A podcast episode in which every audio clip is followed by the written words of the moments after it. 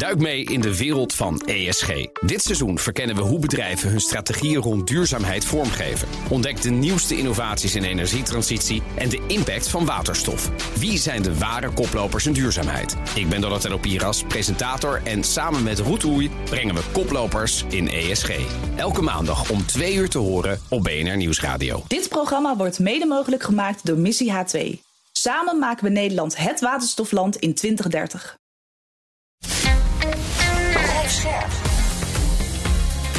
BNR Nieuwsradio. Boekenstein en de Wijk. Hugo Reitsma. Vandaag even niet de oorlog. We gaan iets bijzonders doen dit keer. We gaan het hebben over vrede. Hoop en de wereld een eenheid. En daarvoor kijken we natuurlijk naar het Midden-Oosten. Nadat Saoedi-Arabië en Iran de betrekkingen hebben hersteld. Welkom bij Boekenstein en de Wijk. Op zoek naar de nieuwe wereldorde. Met als altijd dromend over wereldvrede hier. Alex Boekenstein en Rob de Wijk. Onze gast is schrijver en journalist Mark Blaise. We kennen hem van zijn boek De Saoedi's. Maar ook een boek over Ibn Khaldun. Belangrijk Arabische denker. Waarvan ik naar begreep ook een hele leuke man was. Wacht even trouwens hoor. Dat is beter zo. Welkom Mark. Ik wist niet dat jullie over vrede gingen praten. Nou, ik- had ik me heel anders voorbereid. Nee, Ibn Khaldun is een eh, hele bijzondere man. Eigenlijk de eerste historicus die begrepen heeft hoe je geschiedenis moet schrijven. Dus niet alleen maar feiten naast elkaar zetten, maar ook misschien in, in een context plaatsen. En daarmee is hij de, de grondlegger van de moderne geschiedschrijving en niemand kent hem. Hero- Herodotus is bekend, maar Ibn Khaldun is onbekend. En hoe komt dat dan wel? Ja, dat is heel gek. Kennelijk zijn de Arabisten in dit land niet in staat om hun helden naar voren te schuiven. En ik schrijf vaak boeken over mensen die eh, bijzonder zijn, maar in Nederland eigenlijk eh, overgeslagen. Nou, in weer- Nederland is waar iedereen over hoort, dus eh, maak je geen zorgen. Hey Mark, eh Saoedi-Arabië en Iran. Imagine that. Hè? En dan ook nog onder Chinese leiding. Je let even niet op en het Midden-Oosten ligt er heel anders bij, eh, moet ik zeggen voor Ja. ons. Wat beweegt die landen tot elkaar? Oh, dat is eigenlijk een moeilijk te beantwoorden vraag. Ja. Maar ze hebben elkaar nodig. Eh daar komen ze eindelijk achter. Vanuit Saudi-Arabische oogpunt is het bijzonder handig om Amerika onder druk te zetten door dichter bij Iran te gaan staan. Hm. En eh, te zeggen van kijk maar, wij zijn eigenlijk best in staat om onze eigen weg te volgen. Dat is trouwens sowieso iets wat eh, de leider van Saudi-Arabië, Mohammed bin Salman, eigenlijk al jaren uitstraalt op allerlei gebieden. Misschien komen we daar nog op terug.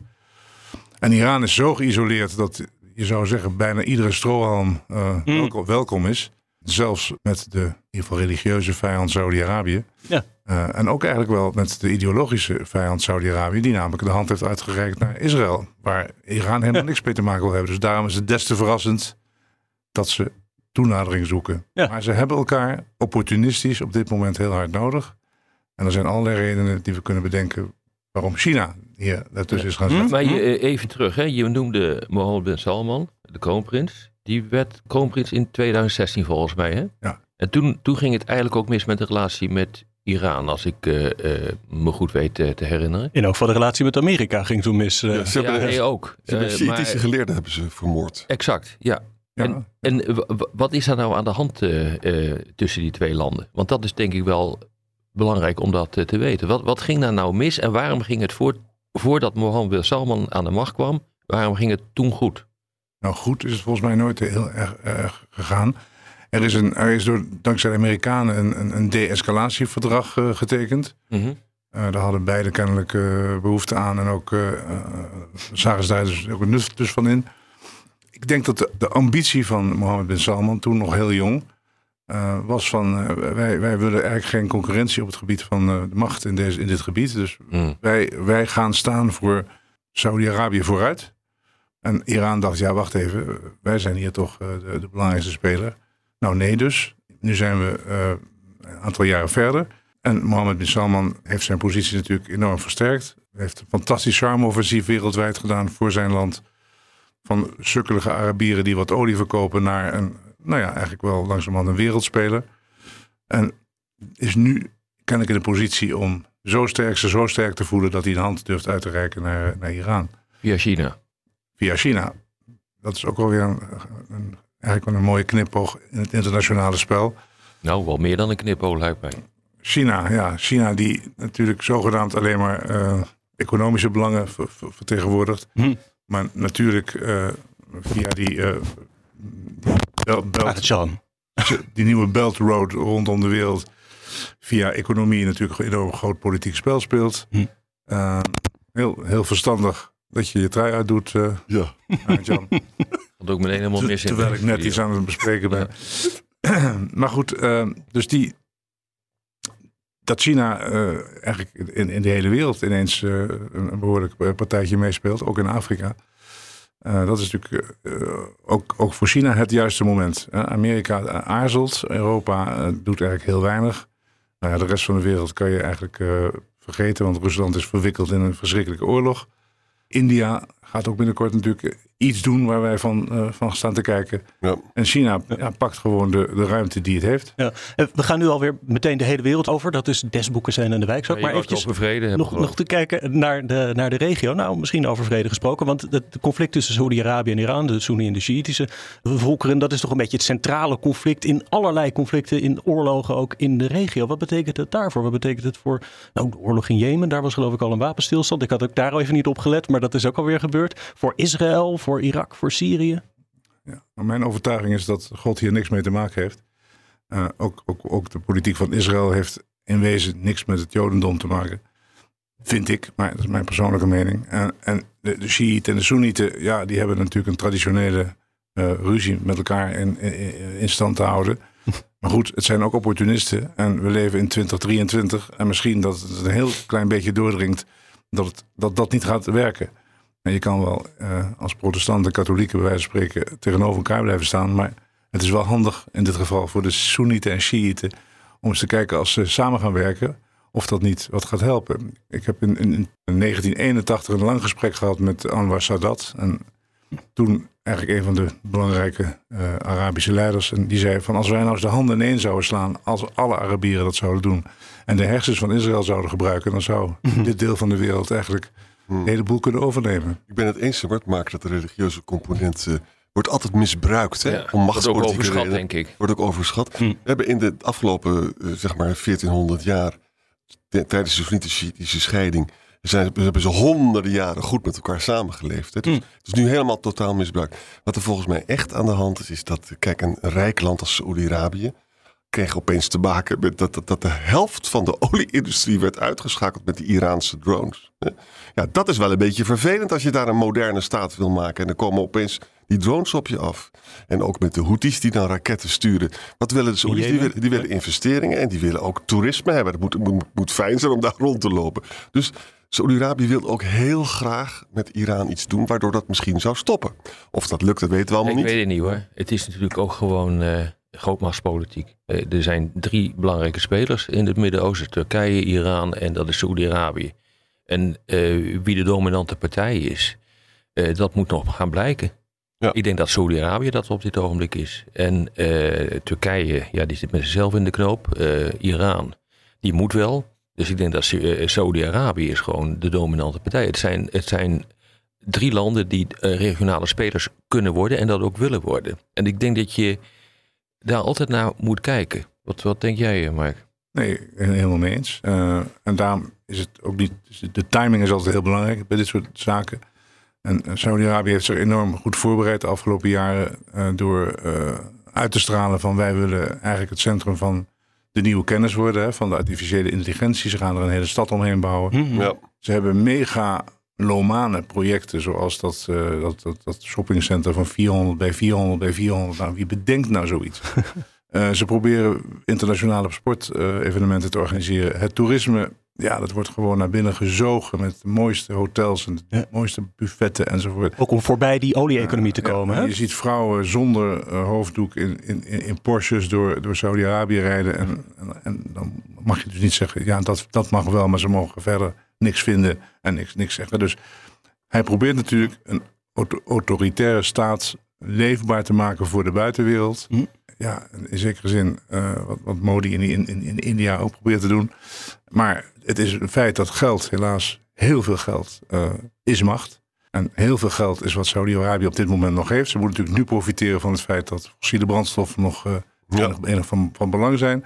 Als over twintig jaar nergens meer een tankstation staat, maar alleen maar opladers, ja, dan is Saudi-Arabië misschien uitgespeeld. of misschien ook niet. Nee, nee, dan gaan ze waterstofgas exporteren. Ja, Als je dus gewoon kijkt wat er gebeurt met die, eh, met die nieuwe stad, Neon, ehm, is dat men daar het, het waterstofcentrum van, eh, nou niet van de wereld, maar toch in ieder geval van een groot deel van de wereld Met de hele maken. woestijn vol zonnepanelen. Ja, bijvoorbeeld. En eh, dat kan heel goed. En realiseer je bijvoorbeeld als je kijkt naar Europa, en dan tonen de berekeningen aan dat niet meer dan 50% eh, wij als Europeanen in onze eigen waterstofvoorziening eh, Mm, kunnen, mm. eh, eh, kunnen bereiken. Dus daar zit echt een geweldig probleem in. Dus we moeten blijven importeren uit eh, Noord-Afrika en het Midden-Oosten. En eh, je kan ook gebruik maken van de bestaande pijpleiding. daarvoor. Nou, Saoedi-Arabië, daar kom je dus gewoon niet vanaf op deze manier. De haven van Rotterdam heeft dus allemaal verdragen of zeg maar overeenkomsten met Saoedi-Arabië al getekend. Want we hebben gewoon heel veel groene waterstof nodig. En we blijven dus die afhankelijk van het Midden-Oosten houden.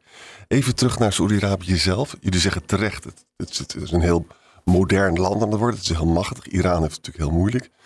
Maar het is ook zo, jongens, één ding missen ze nog. En daar wil ik graag met jullie over praten. Van kijk, eh, Saudi-Arabië is natuurlijk toch de, de, de wantrouwen tussen de Persen en de Arabieren is groot. Hè?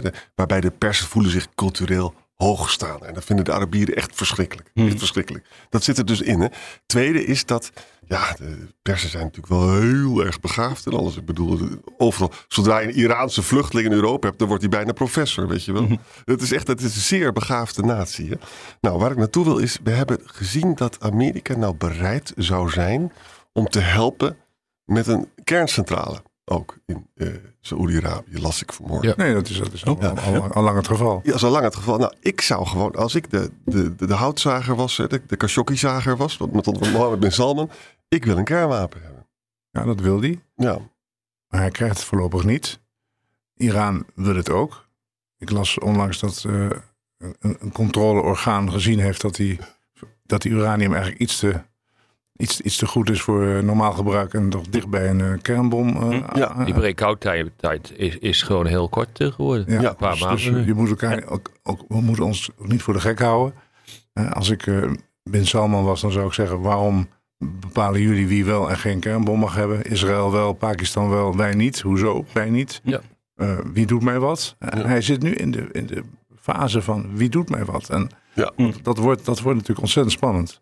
En Israël kijkt natuurlijk ook met argusogen naar die twee landen. ja. En misschien zeggen ze tegen elkaar: weet je wat, we doen allebei net, net niet. Mhm. Als het erop aankomt, eh, dan zijn wij binnen een paar weken of maanden zijn wij, zijn wij zover. Dus we voldoen aan de, aan de afspraken, maar we laten ons niet eh, de, de wet voorschrijven door niet door Amerika, niet door Israël en door wie dan ook. Exact. Oh, denkt Iran. Eindelijk iemand die ontsnapt. Nou, dus we hebben twee hele gekke Ja. partners die ineens Hm. denken van we hebben, we hebben een leverage. En bovendien, Oh, Netanyahu, niet. Netanyahu gaat misschien dus wel nog eh, Iran bombarderen in bepaalde scenario's. Maar Saoedi-Arabië bombarderen, dat ligt even wat anders. Er wordt helemaal niet gebombardeerd, denk ik. Maar goed, eh, dat weet, weet ik natuurlijk ook niet. Maar ik denk zelfs dat Israël... Kijk, in de eerste instantie denk je... oh mijn god, Israël gaat nu helemaal in paniek raken. Mhm. Als je even doordenkt, dan, denk, dan zou het best eens kunnen zijn... dat Israël denkt, nou, dat is helemaal niet zo slecht voor ons, deze deal. Leg eens uit. Nou ja, Ik, ik, hoor daar, of ik lees daar in de kranten dat, eh, dat iedereen boos is van wie heeft dit laten gebeuren. Dat onze aardsvijand Iran nu een dealtje sluit met Saudi-Arabië. nou ja als, als, als die twee elkaar overtuigen dat... we hebben het hier ook over vrede tenslotte... Ja. dat vrede eh, eh, lucratiever is. eh, een tevreden bevolking eh, de huidige leiders in het zadel laat. En je bent een beetje opportunistisch. En je denkt, nou goed, als we met dat spelletje ons eigen hachje kunnen redden. Dus geen onrust, geen Arabische lente in Saudi-Arabië. Geen, Mm, mm. eh, geen, geen verdere demonstraties in, in Teheran. Mensen leven maar één keer. Die denken aan zichzelf. Ja, misschien is dat een hele goede deal. Het zou kunnen. Even iets tussendoor. BNR. Nieuwsradio. Halverwege. Boekenstein en de Wijk. Op zoek naar de nieuwe wereldorde. Dit is Boekenstein en de Wijk. En dat programma is natuurlijk niet zonder Arend-Jan Boekenstein en Rob de Wijk. Mijn naam is Hugo Reitsma en we praten over vrede in het Midden-Oosten met Mark Blaise, schrijver en binnenkort ook podcastcollega, hoorde ik net van je. Ja, als alles doorgaat, dan komen wij met een podcast die Tijden van Cholera gaat heten. En die gaat over het nieuwe leiderschap en hoe de nieuwe leider eruit moet gaan zien. Of leidster of hetster.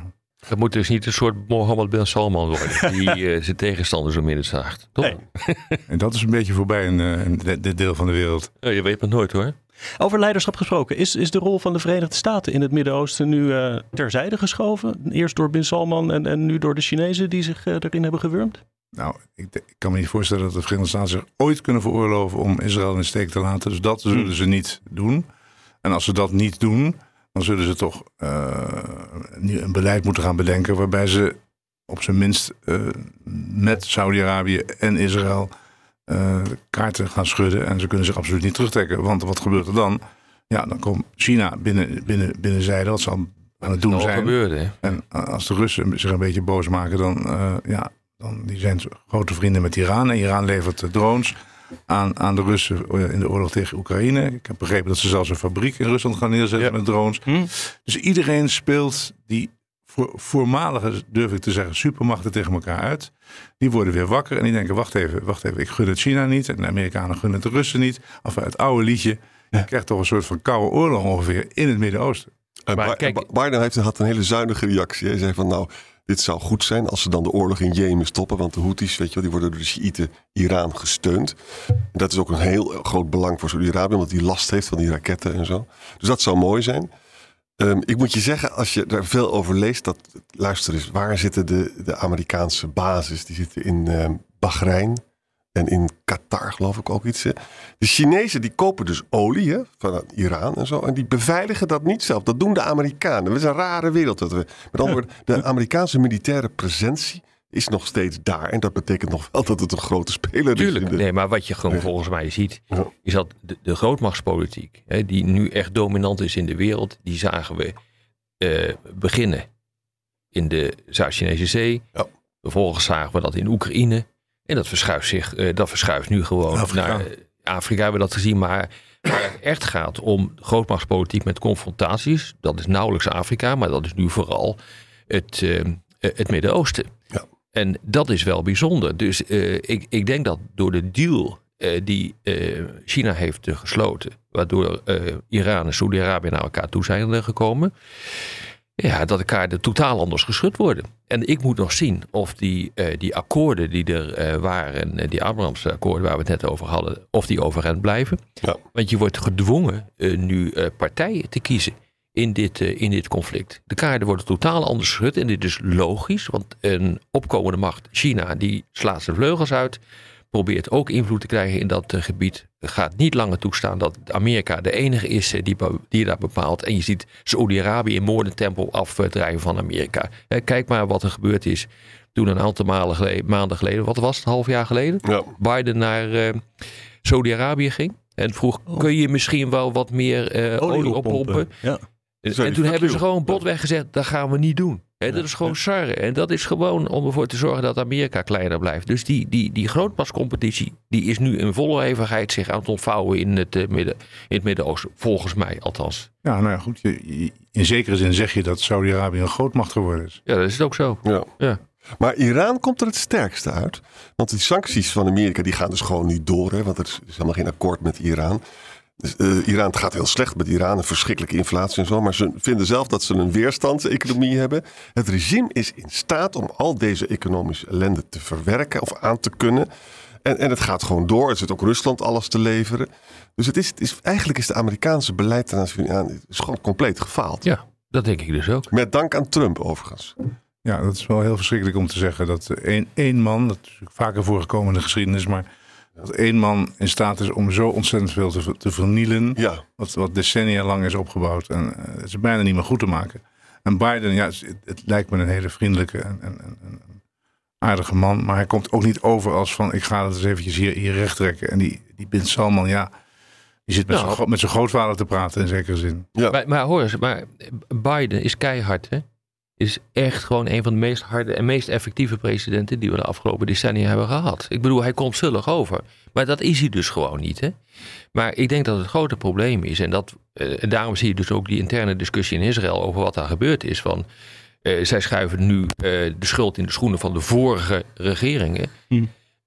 maar wat hier feitelijk gebeurd is, is dat Biden heeft gezegd, maar met deze ultrarechtse regering in, in, in Israël wil ik niet meer op de traditionele uh, manier zaken doen. Ik denk dat dat het probleem is. Uh, dat het gewoon gecalculeerd is. En Dat Ja. eh, Biden heeft gezegd van bekijk het maar Israël.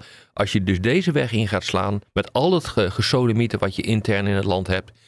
Dan, eh, dan kun je niet op de volledige steun meer van, eh, van Amerika rekenen. Ik denk dat dat het hele probleem is. En in dat gat is China ook gestapt. Ja. En als je nou zegt, van, dus je ziet nieuwe grootmachtcompetitie in het Midden-Oosten. Ik begin dan natuurlijk meteen over vrede in het Midden-Oosten. Ik ben altijd heel erg hoopvol. Maar ik leer altijd van jou dat grootmachtcompetitie, dat leidt weer juist tot meer Ja, conflicten. maar dat is ook gewoon zo. Dat is een historische wetmatigheid. Eh, dit is gewoon wat er gebeurt als een nieuwe wereldorde Hmm. wordt gevormd.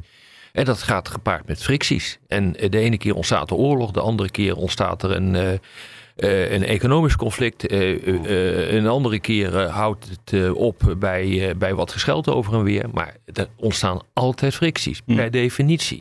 Trump heeft natuurlijk gezegd, Amerika eerst. Ja. We gaan onze jongens niet opofferen voor mensen die we niet eens kennen. Om even netjes te zeggen. En dat, dat, dat zijpelt na.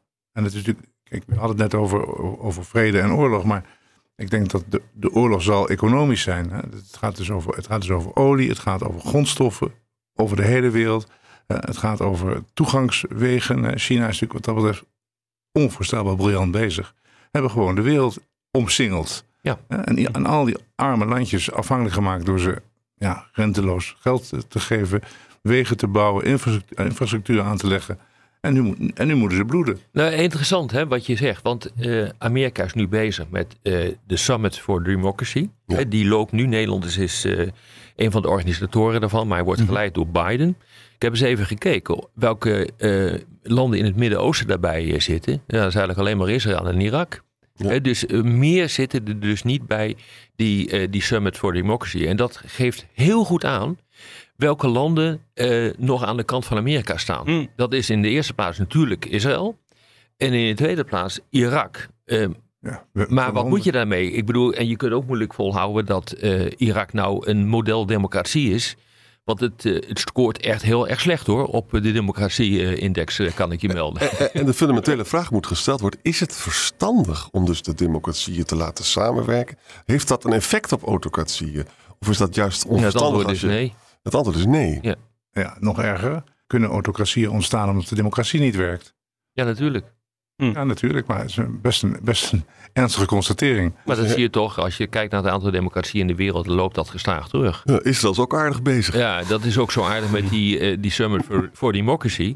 Als je gewoon kijkt hoeveel landen daarbij zitten die geen democratie eh, zijn. Nou, dat zijn er nogal wat. Inclusief de Democratische Republiek Congo. Die nou juist niet democratisch is. Waar is, waar is- waarom steunt Nederland een initiatief dat zo hypocriet Omdat, is? nee, dit is machtspolitiek. Hè, we hebben het gehad over eh, de situatie in het Midden-Oosten. Waarbij de partijen eigenlijk eh, op dit ogenblik de macht aan het herschikken zijn. Dit hoort erbij. Hier probeer je landen naar je toe te trekken. Dat is wat er aan de hand is. Wat had eh, Ibn Galdoen ervan gemaakt, denk je? Ibn Galdoen was een, ook een opportunist. Die, eh, die was een van de eerste conciliëres. En die ging van hof naar hof zijn eigenwijze mening geven. En dat ging dan een tijdje goed. En dan, Wij hebben het over de 14e eeuw of iets ja, dergelijks. ja, 14e eeuw. Ja, dus dan ging hij van, eh, van, van, van Tanger naar Cairo en van Cairo naar Damascus. En overal eh, kreeg, werd hij betaald om, om, om de leider te helpen aan de macht te blijven. Totdat die leider dacht van ja zeg, praatjes maken. En dan werd hij met pek en veren weer het land uit, de stad uitgestuurd. Wat zou hij ervan gevonden hebben? Nou ja, ik denk dat hij China een eh, prachtig eh, voorbeeld zou vinden.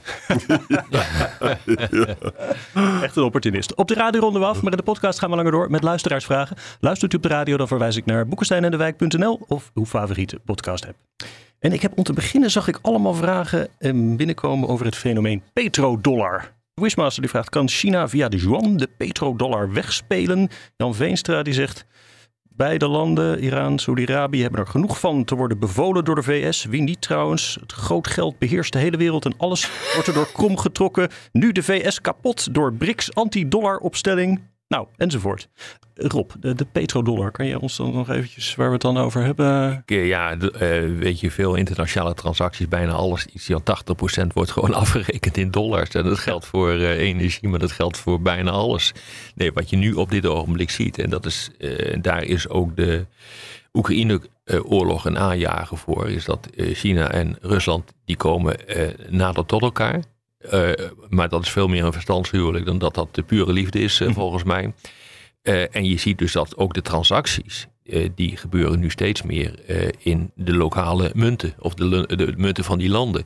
Het interessante is toen ehm, Biden en Xi zo aan het opscheppen waren over hun economie en over hun handelsrelatie, ze dat deden in dollars. Ze vertelden dat in dollars. En vervolgens werd er eh, ook nog bijgezet dat ze een, een, een move aan het maken waren in de richting van eh, eh, de, de Russische en de, eh, hoe noemen we dat, en de Chinese munt.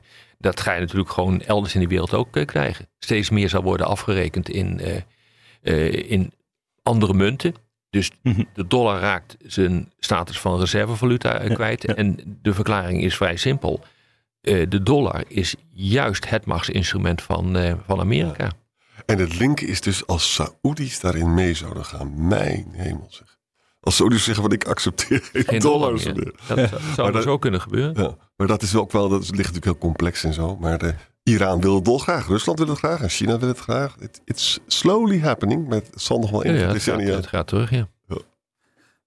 Ja, spannend Hugo. dit, is geen, dit is geen Mickey Mouse podcast. nee, precies. Eh, Sunday. Charles, die vraagt...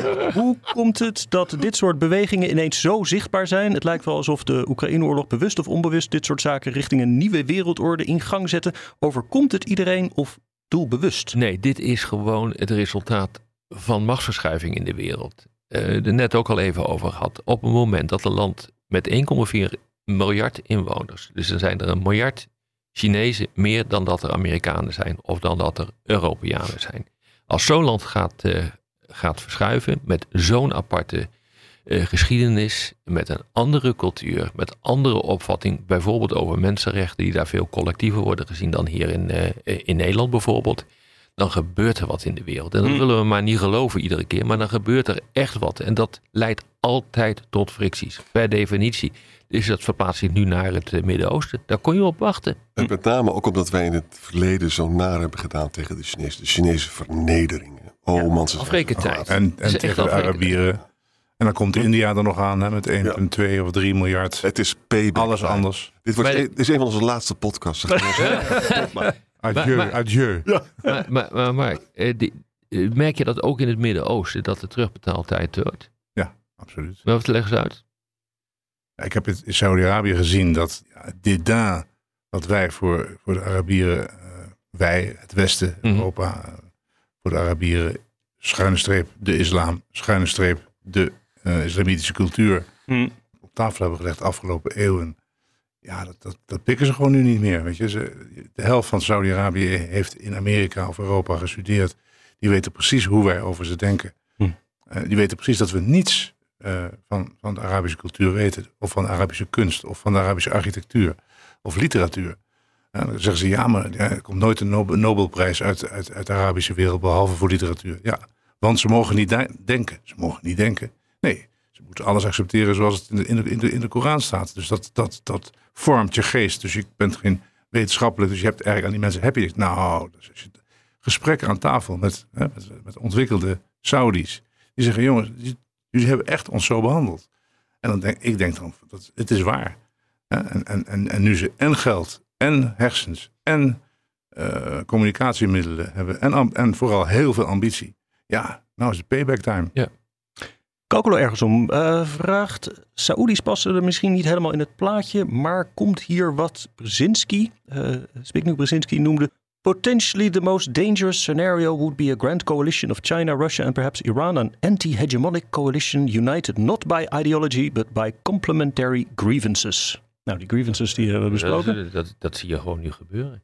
Eh, ook de deals die nu gesloten zijn tussen Iran en Rusland is helder. Ik bedoel, eh, de afgelopen dagen nog zijn er weer gesprekken eh, geweest over eh, intensivering van de relatie tussen Iran en, eh, en Rusland. Nou ja, je ziet dus inderdaad dat er nu een autocratische coalitie wordt gesmeed van een aantal landen die gewoon anti- anti-Westen zijn. En als je dit, als je dit doortrekt, zie je hoe makkelijk Poetin het in Rusland heeft om zijn, om zijn volk te overtuigen dat alles wat hier aan deze kant van de wereld gebeurt, gewoon niet deugt. Dat, En dat ook, ook de Russen hebben natuurlijk een minderwaardigheidscomplex, zijn eeuwenlang beschouwd als vodka drinkende, eh, eenzame, eh, melancholieke di- dichters. En, en, en, en, die, die, voor hen is het ook payback time. Ja, ik, En voor de eh, Russen ja. is het zo makkelijk om de Afrikanen ook te overtuigen van onze slechtheid. Ja. Afrika We, gebeurt zijn, ongelooflijk. we worden aan alle kanten aangevallen. Wel, Het gaat mis. Hugo, het gaat mis. Nou ja, maar, maar jongens, maar dit hebben we dus wel aan onszelf te danken. Ja. Dus goed, ik bedoel, ik, ik schrijf er al, al bij wijze van spreken decennia over, over dit fenomeen. Dit, dit zie je al jarenlang aankomen. Onze grote bek, op een gegeven moment zijn mensen fed up eh, van iemand met een grote bek. Nou, en dat is nou precies wat er nu gebeurt. En als een land als China op begint te komen met een heel ander idee over hoe de wereld moet worden vormgegeven, ja, dan wordt het terugbetaald. Ja, De wijk waarschuwt voor het laatst. Ja. Nee, maar ik heb er wel, en dat is wel een soort van frustratie zo langzamerhand. Natuurlijk. ehm, dit, dit weten we al 20, 25 jaar. Dat dit ging gebeuren. Eigenlijk vanaf het moment dat eh, China toetrad tot de Wereldhandelsorganisatie. En iedereen dacht in het Westen, nou, nou gaan ze zich helemaal aan onze regels houden. Dus niet. En dat is geen wake-up call geweest. En sindsdien zie je gewoon eh, dat dat gewoon helemaal aan het afglijden is. Maar, vraagt Wessel Groenewegen, is voor de Saoedi's de Chinese omgang met de islamitische Oeigoeren niet een probleem? Dat zijn opportunisten. Mark heeft dat woord al een paar keer genoemd. Voor Ibn Khaldun was het ook geen probleem geweest. Nee, maar voor de Chinezen is het heel simpel. Oeigoeren is levensgevaarlijk. Het zijn moslims, kun je niet vertrouwen. En die hebben allemaal hele staatsgevaarlijke ideeën. Dus die zetten we in kampen. En als je erover gaat beginnen, dan eh, worden we boos. We hebben geen behoefte op commentaar op de wijze waarop wij de Oeigoeren behandelen. En by the way, eh, machtspolitiek kunnen we ons dat allemaal veroorloven. Want jullie willen heel graag rijk worden bij, met ons en bij ons. Dus het is echt... Uh, Oeigoeren geloven. En ge- gelo- geloven, dat is iets heel engs voor Chinezen. Ja, Want eh, dan gaat het om eh, hebzucht, dan gaat het om eh, succes, dan gaat het om je leeft nu. Ja. eh, voor je familie en voor je clan. En Oeigoeren hebben nog iets anders om eh, zich in te verstoppen, namelijk geloof. Dus daar kan je ze niet, eh, je kunt ze niet helemaal onder, con- onder controleren. Mm, Ja. Dat is voor de Chinese overheid een, een vrij dramatische scenario. ja. Joachim vraagt, heeft China momenteel voldoende maritieme macht om een vrije doorvoer van zeetransport te garanderen in deze regio? Of is het met name Saudi-Arabië nog steeds te afhankelijk van de VS? Oh, ja, u hebt het over gehad. Djibouti noemt hij nog als eh, basis voor de VS. Oh, dit hebben we eigenlijk al behandeld. Nee, dat hebben we niet behandeld. Er is ook een eh, initiatief van eh, Iran. Het, eh het Hormuz Vredesinitiatief, om maar even mijn woorden te zeggen. En eh, die zeggen van, dat zegt dat initiatief, wij moeten eh, voor onze veiligheid zelf zorgen. Dus ook de toegang eh, door de straat van Hormuz, dat moeten we zelf regelen. En we zijn helemaal fed up eh, van die Westelingen die hier met schepen komen om eh, de stabiliteit te brengen. Overigens heeft Nederland eh, daar zelf aan meegedaan in een Frans-Nederlandse operatie. ja. En het interessante is dat deze week Lavrov heeft gezegd dat is eigenlijk een heel goed idee. Daar moeten we ons achter gaan stellen. Dus dat initiatief, dat zou nu nog wel eens een keer een kans kunnen krijgen. Eh, door wat er nu is eh, gebeurd. Want zeker als Saudi-Arabië daar ook achter gaat eh, staan. Zou mij niet verbazen. En dan worden de westerse landen, die worden eigenlijk vriendelijk bedankt voor hun goede diensten. En dan nemen ze zelf de, op basis van collectieve veiligheid, want dat is het. En dat kan ook gewoon op grond van het VN-handvest. de boel over en zeggen zij: wij bepalen nu zelf wel hoe de veiligheid wordt geregeld in, in de Persische Golf, of hoe je het ook allemaal zou willen noemen. Het wordt een soort equivalent van het verdrag van Montreux eh, in, in Istanbul, zou je Ja. kunnen zeggen. Overigens even een toeristische tip. De, Om- als je naar Oman vliegt, dan neem je het vliegtuig naar de staat van Hormuz. Dat is ook van Oman, dat stukje, een soort enclave zit daar. Het is zo mooi, met zeehonden.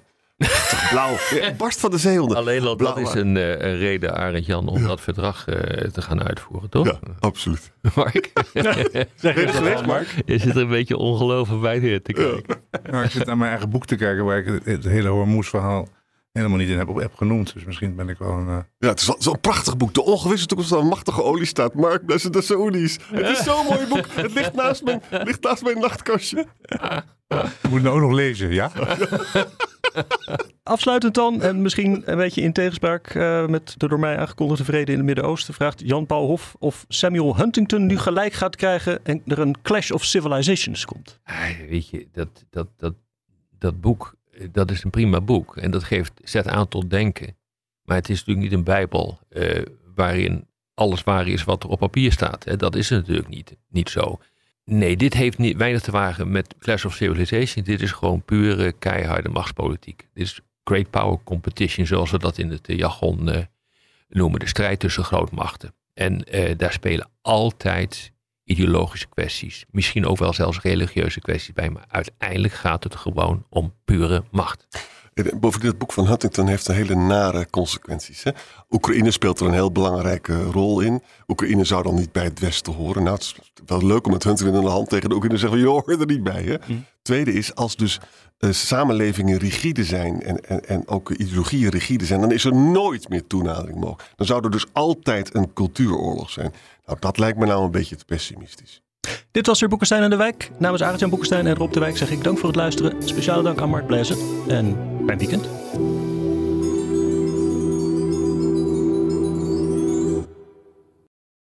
Duik mee in de wereld van ESG. Dit seizoen verkennen we hoe bedrijven hun strategieën rond duurzaamheid vormgeven. Ontdek de nieuwste innovaties in energietransitie en de impact van waterstof. Wie zijn de ware koplopers in duurzaamheid? Ik ben Donatello Piras, presentator en samen met Roetoei brengen we koplopers in ESG. Elke maandag om twee uur te horen op BNR Nieuwsradio. Dit programma wordt mede mogelijk gemaakt door Missie H2. Samen maken we Nederland het waterstofland in 2030.